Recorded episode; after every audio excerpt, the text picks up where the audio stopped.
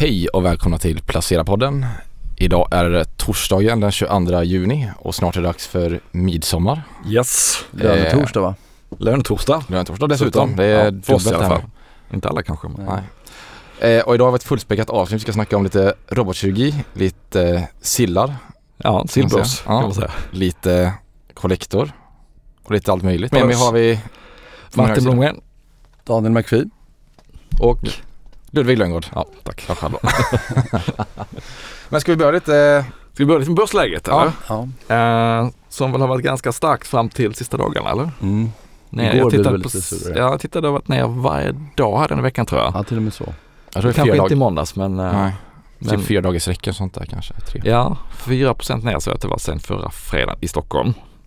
Så det går ju lite emot att det har ändå varit rätt så starkt. Men även om det är mest, och det här har ju ältats rätt mycket, att det är storbolagen, speciellt i USA, som har dratt hela uppgången. Men, Men ja, vi har ju pratat om det många gånger nu och, och framförallt tidigare men apropå det här med konsensus så var ju konsensus ett starkt, eller ett svagt första halvår och ett starkt andra halvår. Så att eh, om vi nu, som vi pratade om innan, att man ska gå mot konsensus så kanske det är just nu vi får den lite Ja. svagare perioden. Men det är ju någonting du har tittat på. Ja. Och kan man flika in också att den här uh, Fair and Greed Index precis hoppade upp på Extreme Greed, Mm. vilket är också en sån här indikator som brukar vara ganska pricksäkert att gå emot när alla är extremt giriga. Så ska man ju kanske inte själv vara det då utan då kanske man ska sälja. Eh, och VIX-index kollade jag på en veckan, fortsatt ner. Alltså vo- volatilitetsindex, vilka rörelser man får räkna med framåt då på USA-börsen. Också jätte, jättelågt. Så att det finns, har ju funnits en eh, bekvämlighet som kanske måste brytas nu då. Tillfälligt eller inte får vi väl se. Men hur som helst, eh, apropå midsommar då, alltså finns det ju ett, en svensk hederlig gammal börsklyscha som lyder köp till sillen och sälj till kräftorna. Eh, och då har jag tittat lite grann om det är ett bra, om den är bra eller dålig. Och den går ju lite emot den amerikanska då som säger att man ska sell in May and go away och så ska man komma tillbaka efter sommaren. Men eh, lite intressant tycker jag, eh, även om det är kuriosa, att den här har faktiskt stämt hyfsat bra sista tiden.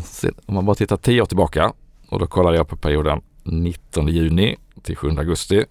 Är det Stockholmsbörsen du har kollat på då? Eller? Stockholmsbörsen enbart, mm. precis. Eh, och 19 juni för att det är tidigaste datumet som midsommar kan infalla på. Mm. Och 7 augusti för att det är då kräftpremiären traditionellt är. Och då har börsen senaste 10 åren stigit i snitt 3 procent den här perioden. Tittar man tillbaka till, till 19 96, så länge, så länge jag hittar siffror, så är det nästan 1 % upp. Så att den, eh, den lilla klyschan stämmer och sista tre åren har varit riktigt bra med 6, 9 och 8 % upp. Även förra året eller? Ja just det, det var ju förra året vi hade ett jättestarkt juli va? Förra året var helt sjukt, precis. Ja. Det var ner jättemycket i juni, så var det upp i juli och så var det ner i augusti igen. Eh, så jag tittade även på hur det hade sett ut hela sommarperioden, juni, juli, augusti. Mm. Eh, och då var förra året ner 8 %. Och även på längre sikt om man tittar så är då hela sommarperioden ganska dålig.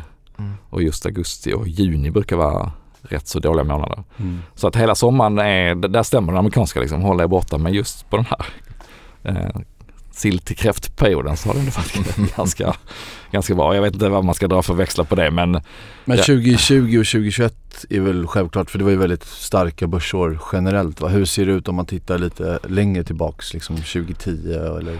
Ja men det finns en del riktiga urblåsningar neråt. Det är eh, 2002, Mm. 2011 Just. vilket ju var då S&P sänkte USAs kreditbetyg och det var eurokrisen på ingång igen och sådär. Och sen har det varit några riktigt bra där efter året efter finanskrisen 2009 stack det iväg uppåt och eh, som sagt de senaste åren ganska bra också då.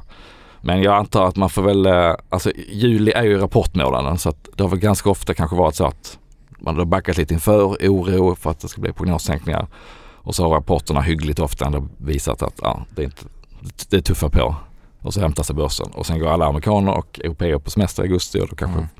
aktiviteten går ner och så faller börsen igen. Mm. Så det, det är nog det som är liksom det bakomliggande stora mönstret och sen kan det skifta väldigt mycket år från år. Ja man hade inte blivit chockad om det var ett svagt sommar i år med tanke på den här starten eller det här halvåret och Nej, det känns Nej. som att det skulle ju kunna vara nu första gången vi ser industrin svalna lite grann. Vi har väl fått lite sådana siffror väl från USA Ja. och även i, i Sverige. Man börjar beta av orderböckerna, lagerneddragningar fortsätter bland konsumenter eller konsumentrelaterade Mm. bolag. Samtidigt har vi en stark dollar eller svag krona Ja. ska vi säga så att den kommer väl fortsätta elda på Mm. vinsterna i alla fall och marginalerna men outlooken kanske är svagare för Ja. andra halvåret. Men om man jämför med förra året när man gick in i juli med en väldigt sur börs efter eh, Ukraina-kriget och det var ju väldigt kriskänsla. Mm. Så går man nu in i den här perioden med då extreme greed och en börs som har varit ganska stark eh, och en lågkonjunktur som alla väntar på ska komma men som inte verkar bli så, så hård i alla fall. Så att det är ju lite, det är lite mer spänt läge eh, den här gången så att ja, om det blir en, en bra sill till kräftperiod i år, det kanske är lite mindre Troligt. Lite mindre troligt kanske. Ja. Kommer du själv följa den? Nej, jag tycker man ska, det, det är kul att hålla koll på det här, för vissa mönster tenderar att upprepas. Men jag tycker om man vill gå in och kolla siffrorna så kan man läsa artikeln på Placera. Men då kan man också titta på en kolumn längst till höger som är med som visar helårsutvecklingen. Och den visar ju då intressant att både på 10 och 27 års sikt som hela den här perioden är så är det i snitt 10-11 procents uppgång på börsen. Mm. Det är det som är det viktiga. Ligger man kvar länge, är man på börsen hela tiden så får man liksom en Mm. 10-11 procent i uppgång. Så det är inget man ska trada på liksom? Nej, ja, det kan man ju göra om man är liksom tradinginriktad men, eh, men det svänger ju det svänger mycket. Det intressanta över tid är ju liksom att om man, om man ligger exponerad länge så tjänar man pengar på börsen. Mm. Men vi har ju två neddragningar där med 10 års intervall som var riktigt stora så att det, vi väntar väl då på kanske någon riktigt stor. Kanske. Förra året var ju börsen faktiskt ner 25 procent i Stockholm så att Mm. det, vi hade ju en, en rejäl nedgång men eh, ja det, det är väl, eh, tycker väl jag som många andra att det är rätt os, osäkert. Det är väldigt många spretiga signaler nu. Mm. Mm. Och vi har haft en del vinstvarningar ganska ovanligt tidigt dessutom. De brukar ju komma när kvartalet är slut eller nästan slut. Nu har det ju trillat in då. Via Play pratar vi om den här veckan men det har kommit... Assa Abloy också. Ja, Det det någon var- nedskrivning. de gjorde en nedskrivning precis. Och Duroc kom igår om jag inte minns fel. Det är väl någon plasttillverkare va? Ja. Eh, och de pratar om en svag konsument i USA vilket jag tyckte var intressant. Mm, verkligen. Eh, med tanke på att det är ju den som har hållit så att säga, systemet uppe. Mm. Eh, om man pratar om överhettad arbetsmarknad och vi fick väl starka, stark arbetsmarknadsdata det. från USA. Eh, så att det här kanske är första liten hint om, Ja. även om det är ganska smalt sådär så. Boliden hade vi också. Den var kanske mer bolagsspecifik men lite malmhalter och en brand. Men eh, lite medtech har det också, också Geting och de här tyska Sartorius. Mm. Eller hur man uttalar det. Just det. Uh, vad har vi mer haft? Billerud va? Ja. Mm. Stora Enso gjorde en omorganisation.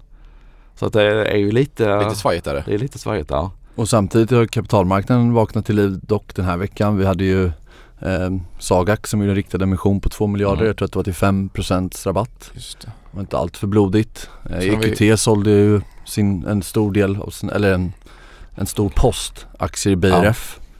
Eh, och jag tror att det var 8 miljarder eller någonting. Mm. Värt 100, på 140 kronor det var en rabatt på 7%. Så du har Humble Group också. Ja, De här små som gör de här trätandborstarna och lite godis och sånt där. Tog in 2 miljarder va, via både nyemission och lån. Exakt. det såg ut som. Nej men det kommer ju det kommer ju gissningsvis att komma en hel del fler vinstvarningar från kanske lite mindre bolag innan rapporterna väl är här. Det vore ju väldigt förvånande tycker jag om inte lite bygg, bostadsbyggrelaterat kommer fler som känner av det där. Sen vilka det blir det Mm. återstår att se men eh, Spännande. Ja det blir spännande och Viaplay hade ju, de var ju ganska de var ju ganska bäsiga på både annonsmarknad och att kunderna lämnade då för att de hade höjt priserna på abonnemang och nu är det inte så stor del av Telias verksamhet, deras mediedel men eh, deras More TV4 då men att de inte också skulle känna av det här verkar osannolikt så att det kommer nog eh, skriva och prata och lyssna på fler vinstvarningar framöver. Men Daniel, du har kollat på ett bolag som gillar skuld, Ja precis. Collector. Ja, som kanske in, där greeden historiskt kanske har varit hög då, det, får, det vet vi inte. Eh, men eh, greeden kring aktien är väl inte superhög. Eh, om man, I alla fall inte om man ser till värdering. Den är ju rätt historiskt lågt värderad. Eh, och det här är ju ett bolag som gärna klumpas ihop med nischbankerna och man får väl ändå säga att det är en form av nischbank. Jag tänker på också Resurs, TF Bank. Det som man ändå ska poängtera här är att Collector har faktiskt 70% av sin utlåning till företag som de kallar det och eh, fastigheter. Mm. Vilket fastighet och företag är väl i princip samma. Men Eh, så att medan till exempel Resurs då är i princip bara konsumentlån och även TF Bank. Så att man ska ändå skilja lite på de här även om det är lite samma tema. Det vill säga att du investerar i någonting där du inte ser så mycket transparens kring vilka lån de har. Du har ju egentligen ingen aning om vad som ligger bakom. Eh, mer än att de själva då egentligen de måste ju enligt IFRS 9 och all de, de regelverken som finns kring att beräkna eventuella kreditförluster så har de tre olika steg eh, med hur stor risk det är att det faktiskt blir en riktig kreditförlust. Ja. Eh, så på, den, på det sättet så får man en guidning. Samtidigt bygger det fortfarande på deras egna modeller eh, och egna antaganden. Så att, ehm, men är det fastighetsexponeringen som oroar marknaden lite här eller? Ja det finns väl flera delar. Dels så är det ju fastighetsexponeringen. Sen så har ju de en exponering mot medel och mindre bol- medelstora och mindre bolag. Och alltså konsumentens mönster och små och medelstora bolag behöver ju inte vara allt för skilt egentligen. Nej. Det vill säga att de är räntekänsliga de här bolagen. Nu säger Collector själva att de har ju, eftersom att de inte har jättemycket kunder så har de en ganska bra dialog och än så länge har de inte sett några problem. Eh, många av deras kunder använder, om man ser på fastighetssidan eh, framförallt men även företagssidan så använder ju de det som ett komplement till annan skuld. Det vill säga att de använder kanske en stor bank och obligationsmarknaden men sen för att brygga saker eller för att komplettera toppa upp lånet så använder de Collector för att de tycker att det är en smidig aktör. Det går snabbt i processerna vilket man kan diskutera om det är bra eller dåligt. Eh, men ehm, det gör att de i alla fall upplever att risken är lite mindre så att det kan vara rätt stora aktörer, stora fastighetsbolag som använder Collector eh, också. Mm. Eh, och det som jag tycker är intressant med bolaget är att de har faktiskt gjort, börjat göra en redo, renodling. De har ju varit noter, noterade sedan 2015. Eh, men Hur har aktien gått sedan dess? Har den inte gått ganska svagt? Ja den har gått svagt. Eh, de har dessutom gjort två nya emissioner på totalt då en och en halv miljard ungefär under tiden som noterat. Men de har börjat med en renodling sedan 2019. Tidigare hade de väldigt mycket kring du vet, bolån, mm. appar, inkassobolag. De hade också något projekt som man kan diskutera som heter Collector Ventures där de gjorde 28 olika mindre investeringar som de till slut sen valde att lägga ner. Och sen så fick de in en ny VD och har sedan 2019 då, så det är ändå 3-4 år de hållit på nu, renodla verksamheten för att egentligen bara fokusera på in och utlåning. Så att det tycker jag gör det ganska spännande faktiskt. Man kan ju gå in och säga det att de gjorde en nyemission 2016 på en halv miljard och det var för att lånestocken växte så pass mycket så de byggde mycket tillväxt i låneportföljen och då måste du binda mer kapital och då måste du ta in mer kapital. Så att du har ju en begränsning hur snabbt du kan växa där. För att när lånestocken växer, växer också kapitalbildningen. Sen gjorde de en stor nyemission på en miljard ungefär eh, här i 2020. Och då var det i samband med regelverken kring kapitaltäckning och hur man beräknar eh, kreditförluster. Och då enligt dem själva då som gjort väldigt konservativa beräkningar men de ville reservera 800 miljoner till. Eh, och det här är ju sånt som förutom att man behöver investera i mer regelefterlevnad och processer kring det så måste man ju också då um, binda mer kapital. Så det tär ju på avkastningen. Så det är också en sån fråga kring hur uh, egentligen så att säga, skalbart mm. det är. Men som sagt det är mer fast, eller företag och fastighetsbolag. Uh, man kan säga också att um, ett snittlån till företag ligger på ungefär 42 uh, miljoner ungefär i fastighetsbolagen så är ett snittlån på 125 så då kan man tänka sig att det finns ganska stora lån mm. eh, men det finns också lite mindre. Eh, och totala portföljen ligger idag på 42 miljarder eller per utgången av första kvartalet så det är en ganska stor portfölj då.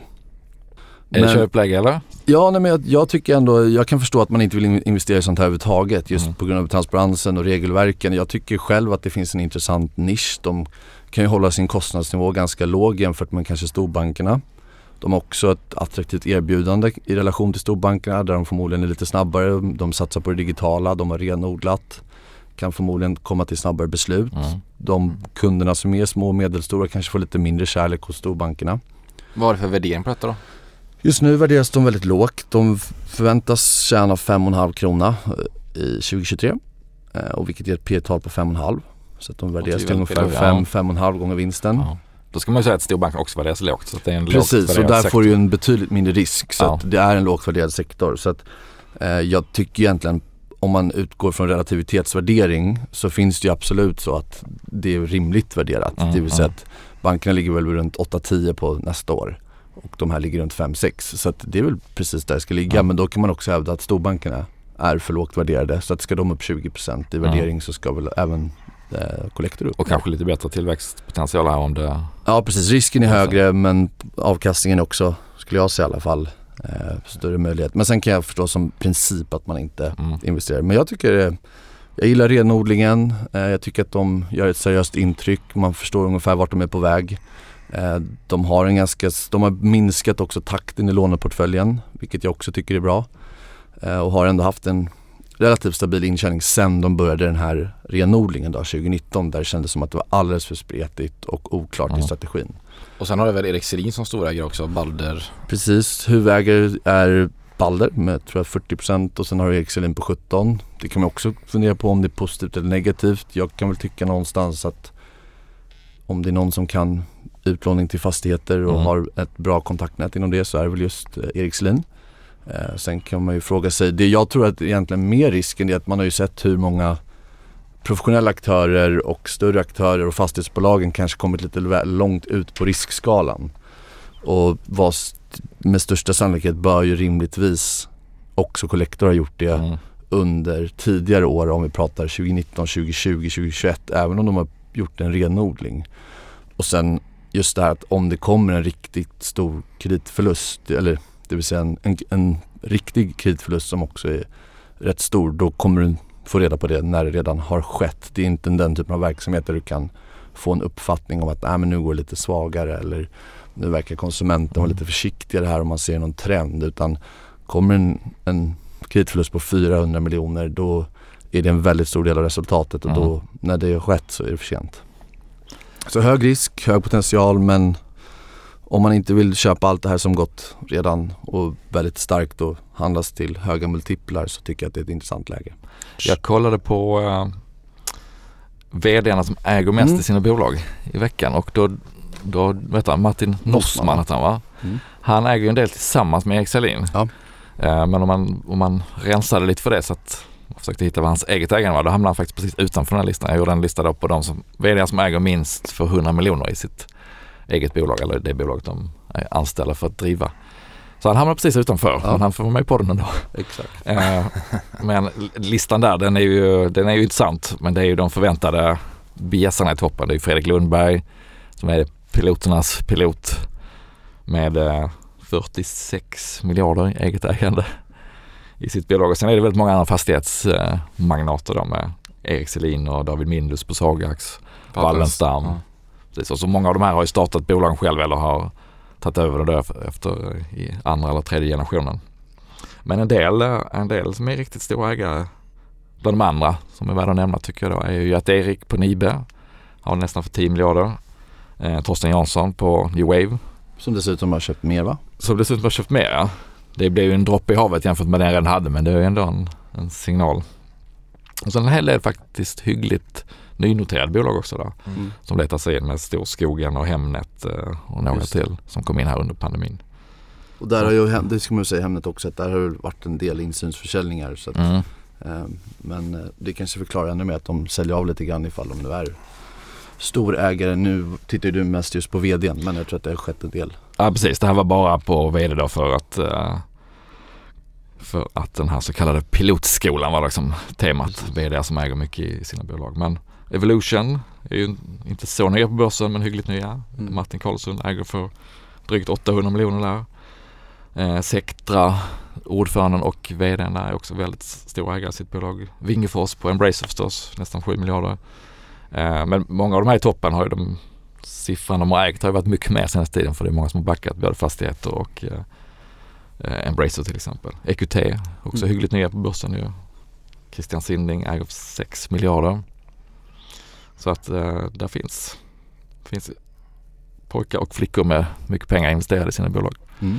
Och eh, alltså egentligen ska man bedöma då hur, hur viktigt det här är. Då kanske man egentligen ska titta mer på hur stor del är av deras egen förmögenhet. Om man ska se hur mycket skin in the game de har. Och det är kanske lite svårare att, att hitta en, en relevant topplista på. Men, men att, att en VD har tillräckligt mycket för att det ska liksom svida om det går dåligt eller tillräckligt mycket för att det ska kännas som det går bra. Tror jag är en ganska bra eh, faktor för att känna att man sitter i samma båt som aktieägare och VD. Mm. Ja, det var ett litet sidospår. Mm. Mm. Men Ludde, du hade ju, apropå de som inte är lika billigt va? Nej det här, är, det här kisset jag har det är dyrt kan jag säga fortfarande. Ja. Även fast jag kommit ner lite eh, sen toppen. Men eh, jag kan ju börja med att gå in på robotkirurgi. Jag snackade om detta innan podden. Jag tror det här bolaget som jag ska snacka om nu det är ett svenskt litet bolag eh, på First North. Eh, jag tror det var typ mitt första avsnitt i Placera-podden jag började ja. snacka om detta. Så det är kul att göra lite, komma tillbaka till lite gamla case. Ja. Eh, och sen dess har aktien gått väldigt bra trots att den har gått ner väldigt mycket från toppen. Och det är ju det här bolaget då, Göteborgsbaserade Surgical Science som är också att du Daniel har aktier och ja, även jag. Så vi är lite transparenta. Ja. SUS populärt Vilket dessutom har minskat lite grann ska man också säga för transparensen senaste ja, halvåret. Exakt, men man kan ju se att det är lite som en hack och spara till robotkirurgibranschen. Eh, och robotkirurgi innebär då att det är inte en självständig robot som styrs med AI, som, fast det kanske kan bli i framtiden. det men det känns lite läskigt ifall eh, den blir hackad och börjar kutta liksom. Man skriver in i ChatGPT vad man vill få opererat. ja, exakt. Så det är in egentligen... med lite mer biceps. ja, exakt. Uh, så det handlar egentligen om att man sitter vid en konsol som kirurg och så styr man den här roboten från några meters avstånd och så ja. kan man, eller det behöver inte vara några meters avstånd, det kan vara från olika länder till, en, till ett annat land liksom. Ja, är inte det en del av grejen? Att man, om den bästa kirurgen på, ja, vad vet jag, smaltarmen finns i Australien så kan Exakt. han... Eh, Exakt, jag tror Intuitive, använder, Intuitive är ju den här eh, stora bjässen inom den här, den här branschen. Jag tror den är 80% typ marknadsandel har de. Eh, och jag tror de börjar egentligen med operationer på distans för, alltså inom militären och sånt där. Mm eh, under början av 2000-talet. Det var 99 tror jag sånt där grundades. Ja i alla fall. Och det vill säga en fördel då att man kan operera på distans eh, och få den bästa kirurgen som du säger. Men sen är det att eh, det blir bättre precision och man kan vara mer noggrann och det blir färre komplikationer och återhämtningstid blir ju snabbare så det, kost, det sparar ju pengar för sjukhusen liksom. Och sen är det även en fråga om att kirurgen kan ju jobba under längre tid för att den får lika ont i ryggen. Det är ganska ansträngande att sitta vid ett operationsbord en hel dag liksom. Så då är det bra att man kan ta lite lugnare och sitta vid den här ja, maskinen då och göra detta då. Och, alltså komplikationer inom sjukvården och att man gör fel är ett ganska stort ämne för jag tror det var den tredje vanligaste dödsorsaken i USA. Så mm. det finns verkligen vilja att få ner detta talet. Och för att kunna manövrera den här roboten då så måste man ju utbilda sig och det är här Surgical Science kommer in. Så Circle Science är uppdelat i två affärsområden. Det är Educational Products som gör alltså hårdvara och mjukvara till sådana här stora simulatorer. Jag vet inte om ni har sett sådana på universitetssjukhus och sånt där som man kan öva på. Och det här står för ungefär eh, 60% av försäljningen. Och det gör ju att ja, inlärningsförmågan, alltså inlärningen går mycket fortare än traditionell utbildning. Och det här är det gamla segmentet då som är Ja det, det, är väldigt intressant att ha med och det beräknas växa kanske 10 till 15 procent per år eh, kommande tre åren och sånt där så har de som mål. Och det är en ganska lönsam del av verksamheten Exakt. Va? Fast de har också så här bruttomarginaler här är lägre än det andra området. Okay. Och det andra området är ju det som är mest intressanta för det är mm. här robotkirurgi kommer in och detta heter OEM Industry.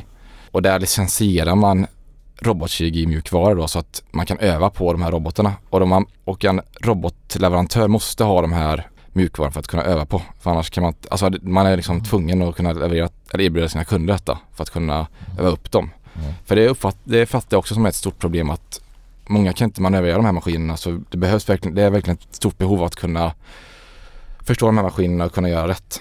Så det är därför det här området är mest intressant.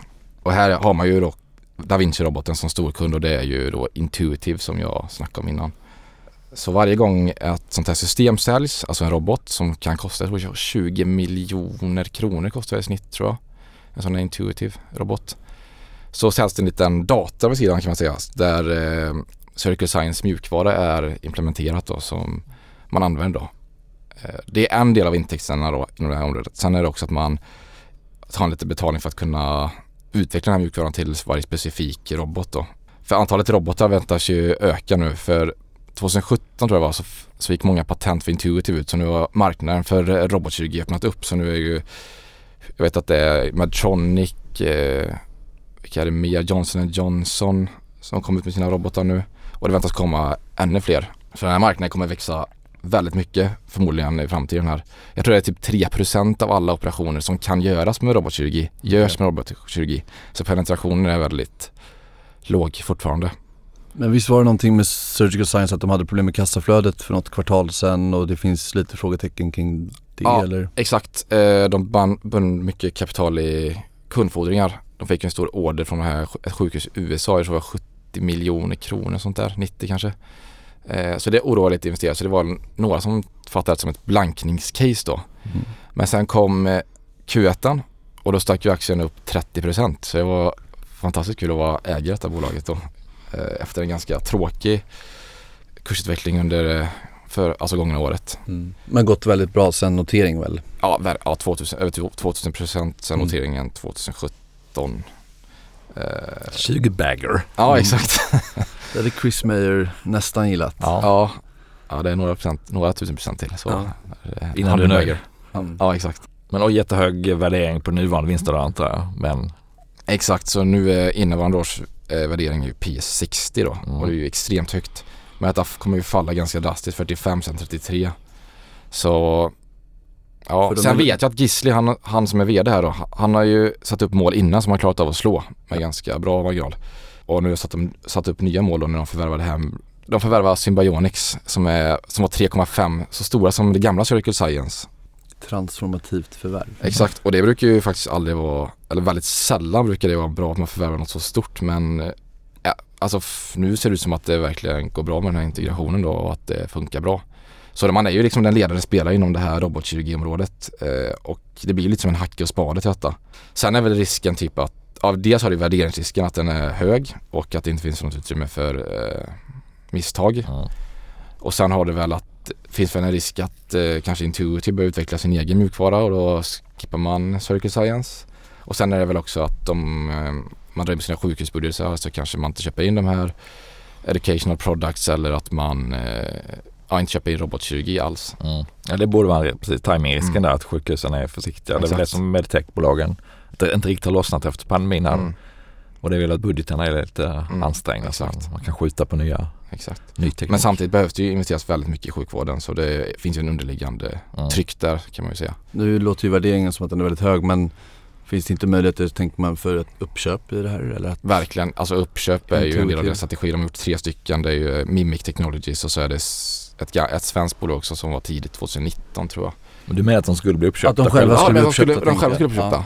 Ja. det är inte alls omöjligt att det är någon stor medtech-koncern som köper upp detta. Om Som de är liksom... Nu är värderingarna kanske alldeles för höga för vi, just nu men om, om vi skulle få lite surare börsklimat och Mm. värderingen kommer ner och Mm. det låter ju som att det är en attraktiv spelare att äga och ingenting stort för typ Intuitive att sluka upp. Nej, verkligen inte. Och verkligen inte typ Johnson Johnson heller. Det är ju ingenting. Det är en liten mumsbit liksom för Och lite rabatt med kronan just nu. Ja, exakt. Ja, det är ju inte alls omöjligt att det skulle kunna vara en uppköpskandidat. Eh, inte alls. Men också att de här kommer ju fortsätta sin förvärvresa om de får vara kvar på börsen då och inte bli uppköpta. Mm. Så det finns ju fortfarande förvärv att göra. Jag vet att det finns ett, ett eh, bolag som heter Kai som håller på med flygsimulatorer i Kanada. Men också lite sådana här grejer som Circle Science gör då.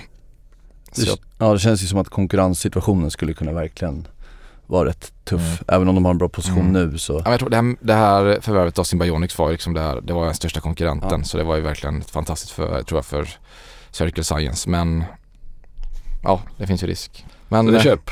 Ja, köp på lång sikt men eh, som ett högriskbett Mm. kanske fortfarande på grund av värderingen. Men de är ju fortfarande lönsamma så det är ju inte något sånt här biotechbolag som kan Nej. bli varken heller. Men jag tycker det är väldigt spännande. Så om man vill ha någon exponering mot robotkirurgi så är det ett alternativ. Om man inte vill ha mot enskilda hårdvaruleverantörer då, som Intuitive eller Medtronic och de här.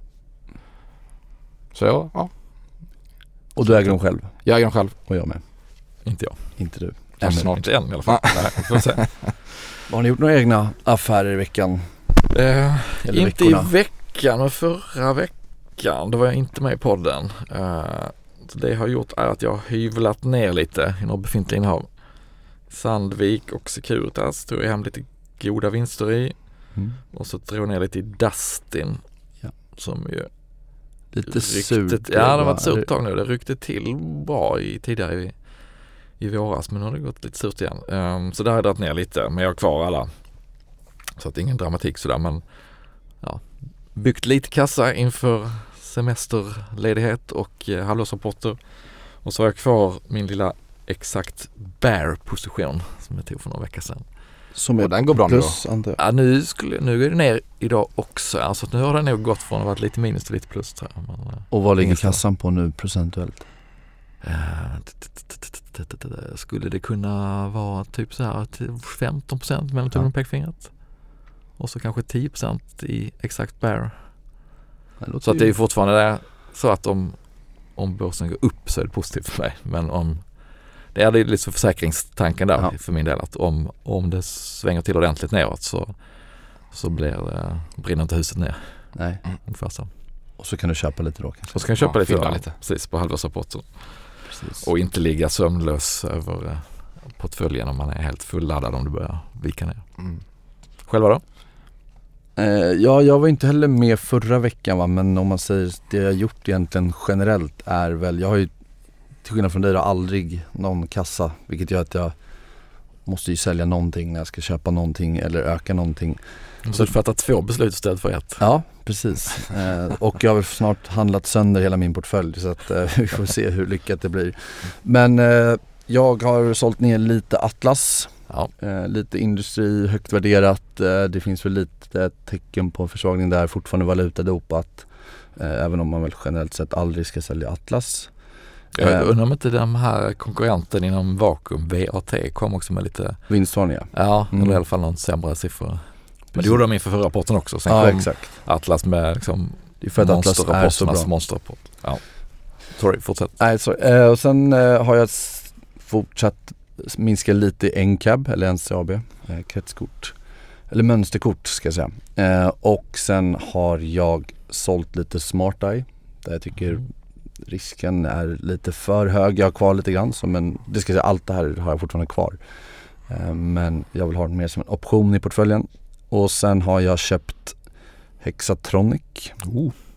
Gått emot blankarna där. McPhee versus Viceroy Ja precis, Ja. Pairing eller vad heter han? pairing. Ja, Ja, som pairing. ännu inte har kommit med någon rapport vad jag har hittat i alla fall. Nej. Men han kanske har skickat den till någon annan. Någon annan än dig. Precis. Men eh, nej, vi får se. Det blir spännande att följa i alla Ja. fall. Eh, men han har säkert rätt. Men och sen har jag fortsatt öka lite grann i CTT. Som jag fortsatt tycker är intressant. Mhm. Så det är väl det jag gjort. Det var det hela. Ja, jag har inte gjort någonting faktiskt. Jag, Jag Alltså, ligger bara myser med dina sus. ja, ja, ja, exakt. Jag kramar dem. Ligger sked med sus. Ja, det är Ska vi Kanske. ta midsommar nu Ja kanske? precis. Ja, det blir, det blir avslutningen här. Ballar upp. Ja, glad midsommar. Ja, Glad midsommar. och trevlig helg. Trevlig helg.